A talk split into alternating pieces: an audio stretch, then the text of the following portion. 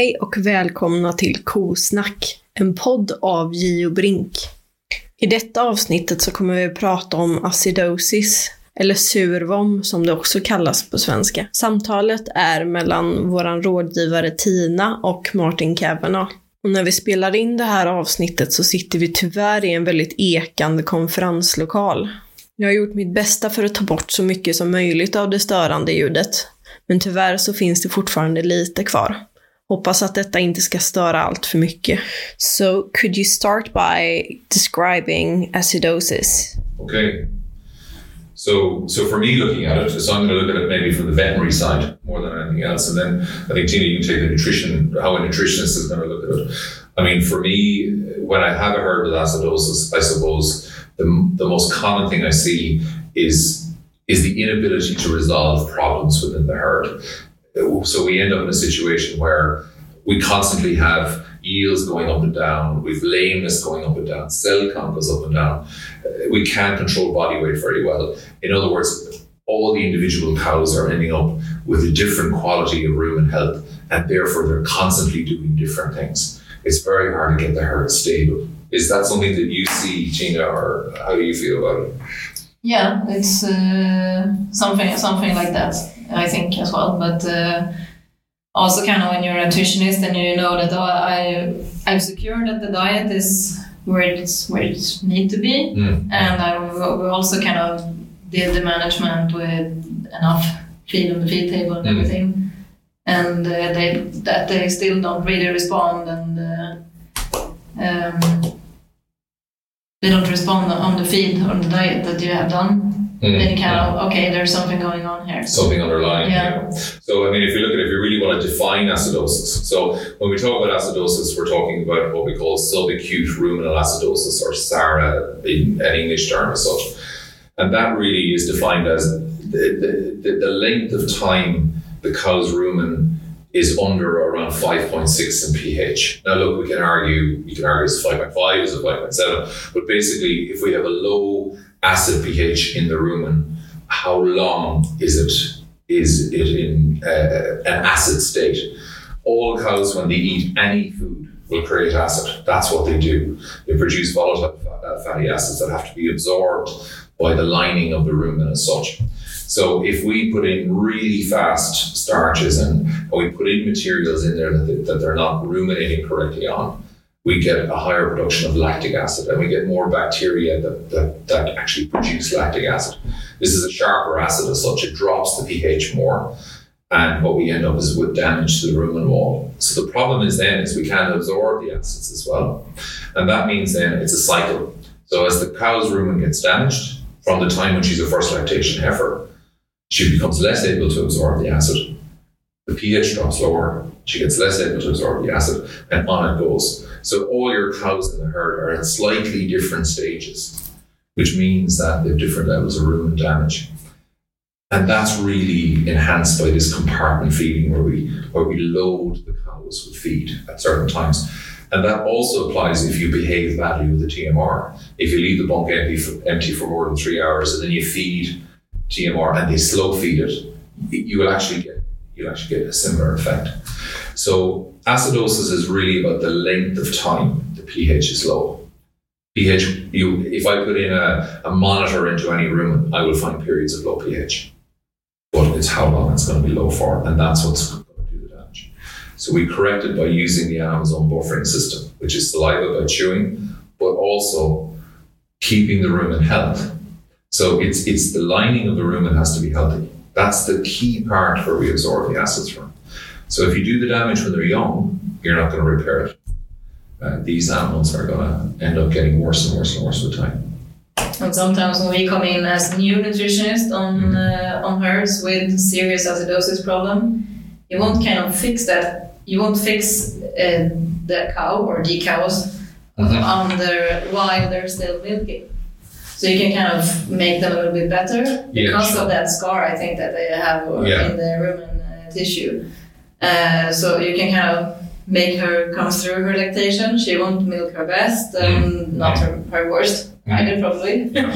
Uh, but she will kind of survive it and get pregnant. And uh, once you can kind of dry her off, And then if you put on a really good uh, dry cow program, then they can kind of come back the next lactation and be much better. But not as good as they could have been if they would never have ac- acidosis before.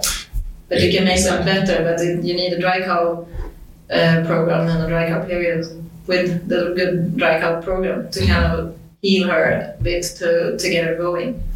Yeah, and, and, and I think that's key. I think so. If we take a herd and that, and it's on a particular program of feed, and we've got some acidosis, and its feed efficiency is a little bit struggling. So we've got some cows that are doing really well; they're milking a lot. Some cows that are average, and they've got that variation in weight. We've got the fat and thin cow syndrome. Uh, at that point, we can go in and help repair. We start to bring the cows a little bit forward. Doesn't mean you're going to get a lot more milk, but you might control their dietary intake a bit. You manage your cost, and you get your cow a little bit healthier.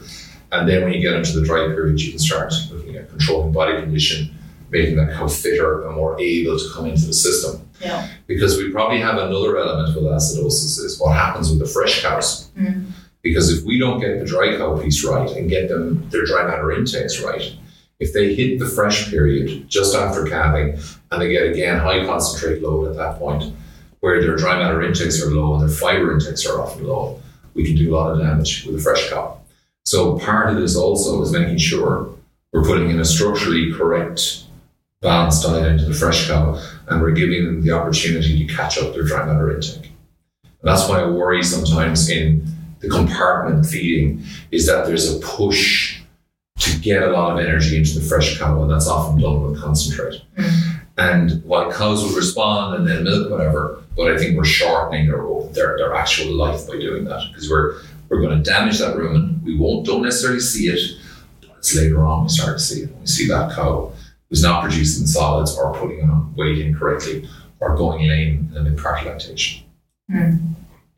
It's a bit like you have a cold engine and you kind of rush it, and you do that a couple of lactations, and then Yeah, we're burning the turbo. Yeah. Yeah, absolutely. Yeah. And, and I think that's what we see. I think if you're working with a herd for a long time, uh, and that's why I think we like to work with herds over an extended period because you can kind of flush out the disease over time yeah, by managing dry cow, get the fresh cow right, manage your TMR during the during the lactation period. So every year you work with the herd, you're getting a higher percentage of healthier cows. And over time, the herd is able to start producing the big numbers of milk, but also remain on their feet. yeah, Yeah, which is key. stay healthy.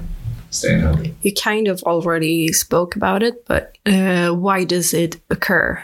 We Yeah, sort of, uh, you know, the high dry matter intakes, compartment feeding. The, but there is one other, th- I always say there's one other thing, uh, and I suppose it's the area that I'm involved in quite a lot uh, because I'm, I'm, I'm not the nutritionist, but I'm, I'm looking at the nutrition management. And I think where we have low feed space, low number of beds, uncomfortable beds for cows, can't ruminate properly, on their feet a long time, can't access feed correctly, can't access water correctly. These are all high risk factors for acidosis because, again, we get dominance feeding. So, uh, cows that are coming to the feed barrier eat too much too quickly because of dominance cows, they have not enough space. Or, say, for instance, we don't have enough push ins, which means that cows then will slug feed when they get large amounts of feed and they don't come to the feed barrier often enough. Every time you push in, you create a feed event. So, you, you allow cows to actually catch up with the system as you're going through. So the feed management can have an enormous impact on whether your cows have acidosis. And that's sometimes where we see a TMR fail, is that the feed management around a perfectly good TMR and a well mixed TMR can actually create problems if it's not managed correctly. So you do really good work with your mixer or you do work with, with your nutritionist, but you're not getting the result. And sometimes that is just down to pure feed management, Yeah. management, water management. You, you force them uh, force them every day, a couple of times a day, to eat a smorgasbord, and then they get, get what we call palt coma. yeah, okay, okay, I, I understand some of that, but, uh, but but it's true, and also I, I think if if we're doing poor feed management, say for instance one of our rules, like let's get sixty percent of that diet out of those cows in the morning after first milking. So we're taking that from Cordy Jones, Yeah. and and, and it's reasonable. It, it works well in a, in a, a three times a day milking environment. And we probably want another six or seven feed events where we have push ups or top ups or whatever. And I think in that situation, we, we also, it challenges cows not to sort. Um, so we actually can reduce the sorting by better feed management because we take the stress out of the environment. We get enough feed on the table, and that's probably one thing we've struggled with is getting enough feed on the feed table, particularly in those high milking herds. Because when we do put the feed on, uh, it's amazing what these guys will eat. Yeah. So if we feed to a higher refusal, what six eight percent, maybe I, I Yeah, don't maybe know, ten percent. maybe ten percent in fresh, fresh groups. Yeah. yeah, absolutely in fresh groups. And even though it appears that we're wasting feed, if we can get that feed then across to another group and feed the late lactation, or slaughter cows. they could be at two percent on a refusal, and we get them to clear out, or we're feeding that refusal down into the Staph aureus group or slaughter cows. We're not wasting feed. We're not trying to feed more to the whole herd just to push milk. What we're trying to do is redistribute the feed properly. Mm. And I think if we do that, we're not we're not trying to incur costs with it. We're trying to get the right amount of feed to the right cows. And that means that we, we're really looking after those high yielding cows and giving them the chance to eat 26, 27 kilos, but stress free. And that again helps us to reduce the acidosis risk. So there's a number of elements to it. So environment and environment and feed management, the actual chemistry of the diet, the physical structure of the diet, we got to get it right. Um, and again, the type of cow we're feeding, what stage in lactation they're at, these all contribute to the risks. Tell me about the scale of the problem. Ooh, what do you think, Tina? What's the scale of the acidosis problem? In your herds, it's Oh. probably okay. Yeah, I- of course. In my herds, it's Yeah, very there you okay. go. There's no scale. There's no scale. We're not even on the scale. That's We're not how on the good we are. Uh, I think it's uh, much less common now than maybe 10 years ago. Even if we're not doing the nutrition all farm, farms, a lot of farms kind of went over to TMR. Yep. And that kind of uh, took uh, took that part away where they can, you know, eat a lot of or it doesn't even have to be a lot of concentrates, but if it's just concentrates and just a small part of forage because Yeah, the feed table is is uh, is empty or there's some Sure. uh, big mean cows there, so they, so they don't Mhm. dare to go there and eat everything. But I think I think uh, when they kind of go to TM, to TMR, then yes, that that change itself takes down the stress, and the cows know more that it, you know that it's it's feed there in another way than, than when it's just forage on the feed table and then concentrates somewhere else. Mm, mm, mm. And uh, so I think more, more farms has went over to, to TMR now than it was 10 years ago. So that itself kind of didn't take away the problem, but I think it, Mhm. it makes it less severe as it, as it can be. Mm. So I, I think it's less severe acidosis, but still a lot of acidosis on different kind of, uh, Mm. in different scales kind of. Yeah, I mean, I think I think we're probably still seeing, or I'm still seeing in Sweden. I've been coming here for maybe ten years, and and we still see situations where we have uh, herds that are struggling with the environment, struggling with the feed system, and they're losing cows out of that system pretty rapidly. So we're getting to two, maybe two and a half lactations. And so we have good genetics for milk and they're good cows, but the problem is that their longevity in these systems is poor. And probably what I noticed with the the feed stations is not all about knocking the feed station principle, but the issue for me with a lot of it is it, it environmentally it creates its own dominance, which which I really struggle with. A lot of feed stations are in quite narrow passage areas, and we get blockage of, of routes and passages. And I think um, we're really promoting dominance in certain cows in, in, in that environment. So, at, at a very basic cow psychology level, uh, for me, creating individualized feed systems uh, is problematic, particularly when the group sizes are getting above 60 cows, because we're, we're now starting to get cows getting into different groups, different dominance groups, and that changes the whole dynamic around it. So, okay, so we probably we probably less feed going in, less concentrate because more TMR is going Yeah. in, but we're still creating environmental hassle with it. Yeah. And what I find really interesting about the work that you guys do, and you and yourself in particular, Tina, is that you can take a robot environment, which is, is so that's contingent on getting concentrated to the animals to get into the robot, and you can actually get that level down you know, mm. three, four kilos, maybe maybe even less in some situations, and actually get healthy cows to function with a TMR with a robot. And that's based on cow health, freedom from acidosis, mm. no fat cows, no no lame cows, and correct space. Yeah. So that's telling me is that our human dependence on those type of individualized system is actually doesn't bear any relation to how the cows behave. Mm. And it, I know it's a little bit extreme thinking that way, but we see it over and over. The cows trust the cows and, and, and they'll work with the system if, if, if you manage to help. Yeah, I think we have like a, a, one problem that's kind of that I've what I, from what I've seen it's it's more common in Sweden than worldwide is we're building for uh, how do you say narrow feed tables.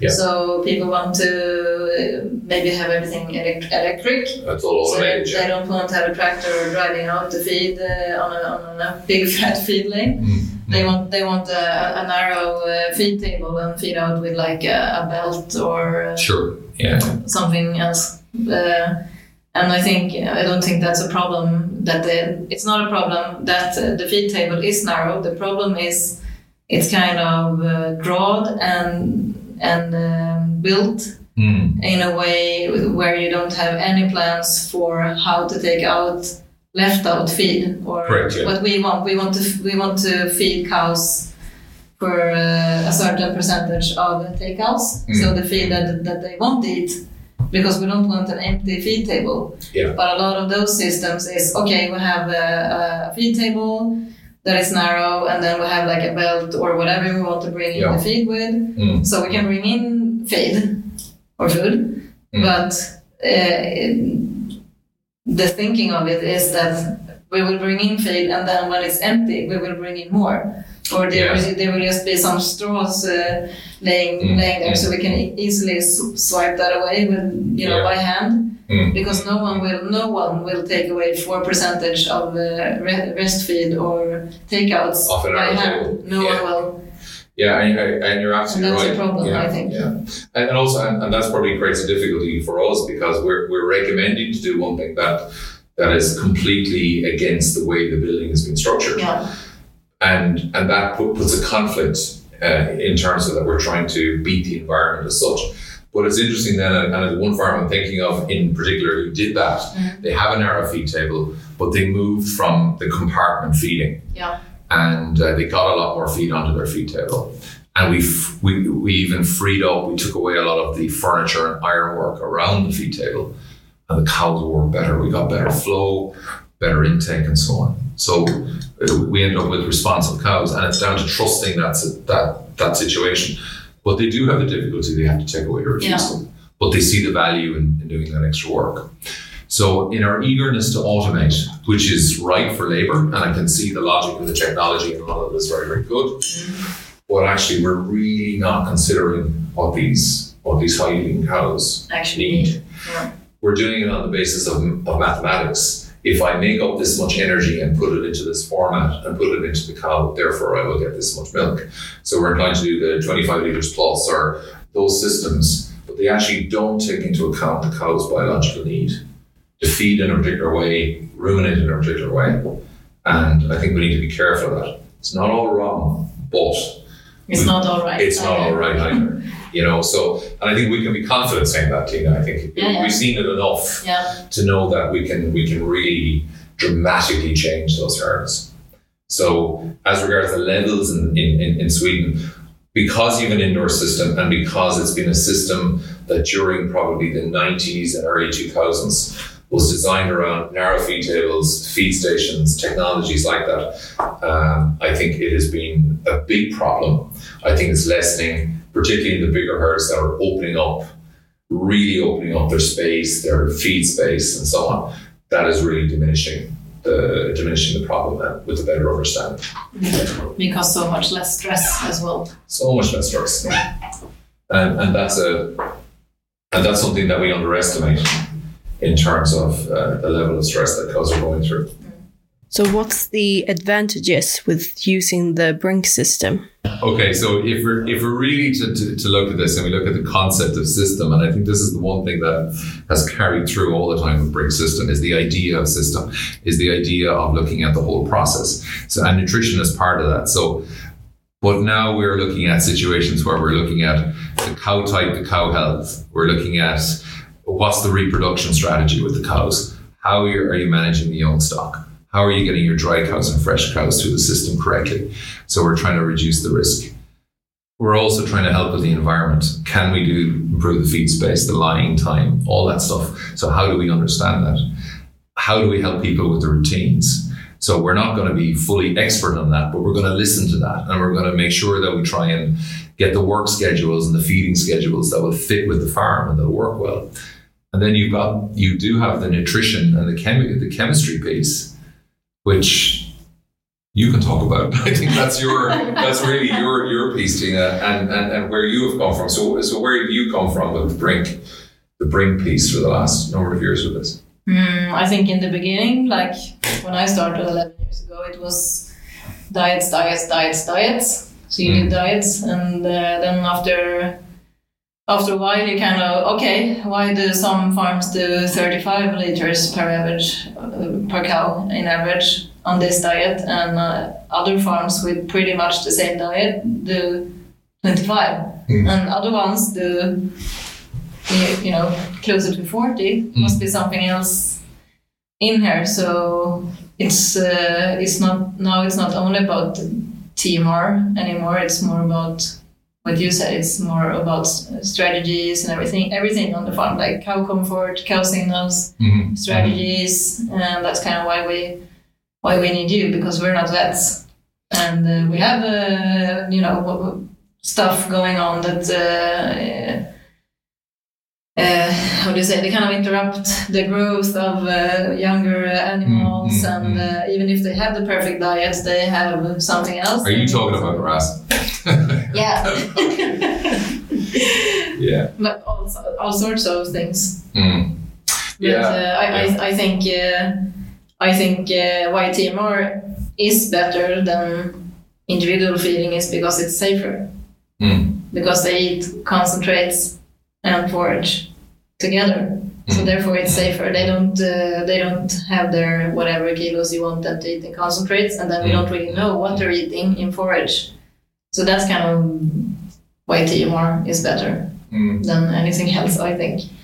Yeah, and I think even even go back to your grassroots. Okay, use that word grass again, but to go back to the grassroots of it, also you're you're strong on and strong all the time is maintaining diet structure. Mm-hmm. So, and we still recognize the value of the physical structure within the diet. And I suppose the fear is as we push for more yield and we try to get more energy into the diet, are we at risk of losing structure? And I think the one thing you guys have brought to Sweden is, um, and and I must admit, your farmers have really taken this on and developed it. Is understanding of mixed quality and getting that, getting the mix right, so that we're in a situation where we reduce sorting, but also we're actually providing a cow with a diet that they can ruminate on and that they can digest correctly. We're trying to get as much as we can out of that diet. And the one thing I'm always impressed with in Sweden is the quality of the forage. Um, people can make really good forage, or even though you don't think so sometimes, that the forage is poor. But in general, in general, really, really good to make forage. So I'm always thinking about if we get to low milk price, what's what's going to be your competitive advantage? At a low milk price point. It will not be feeding more concentrate to get more milk. That will break you. Mm. But actually, feeding more of your good forage that you're getting at a reasonable cost is going to keep you in the right place. We might lose a litre or two here and there, but if we've got healthy cows eating good forage at the right price, and we can get them to digest that out properly, we're going to win when the milk price is is low. Yeah. So I suppose if I'm looking for an advantage with the Brink system, is to future proof a herd from low milk price mm. so that we can feed that herd through low low milk price and get you out the other side where you can make money when the milk price is high.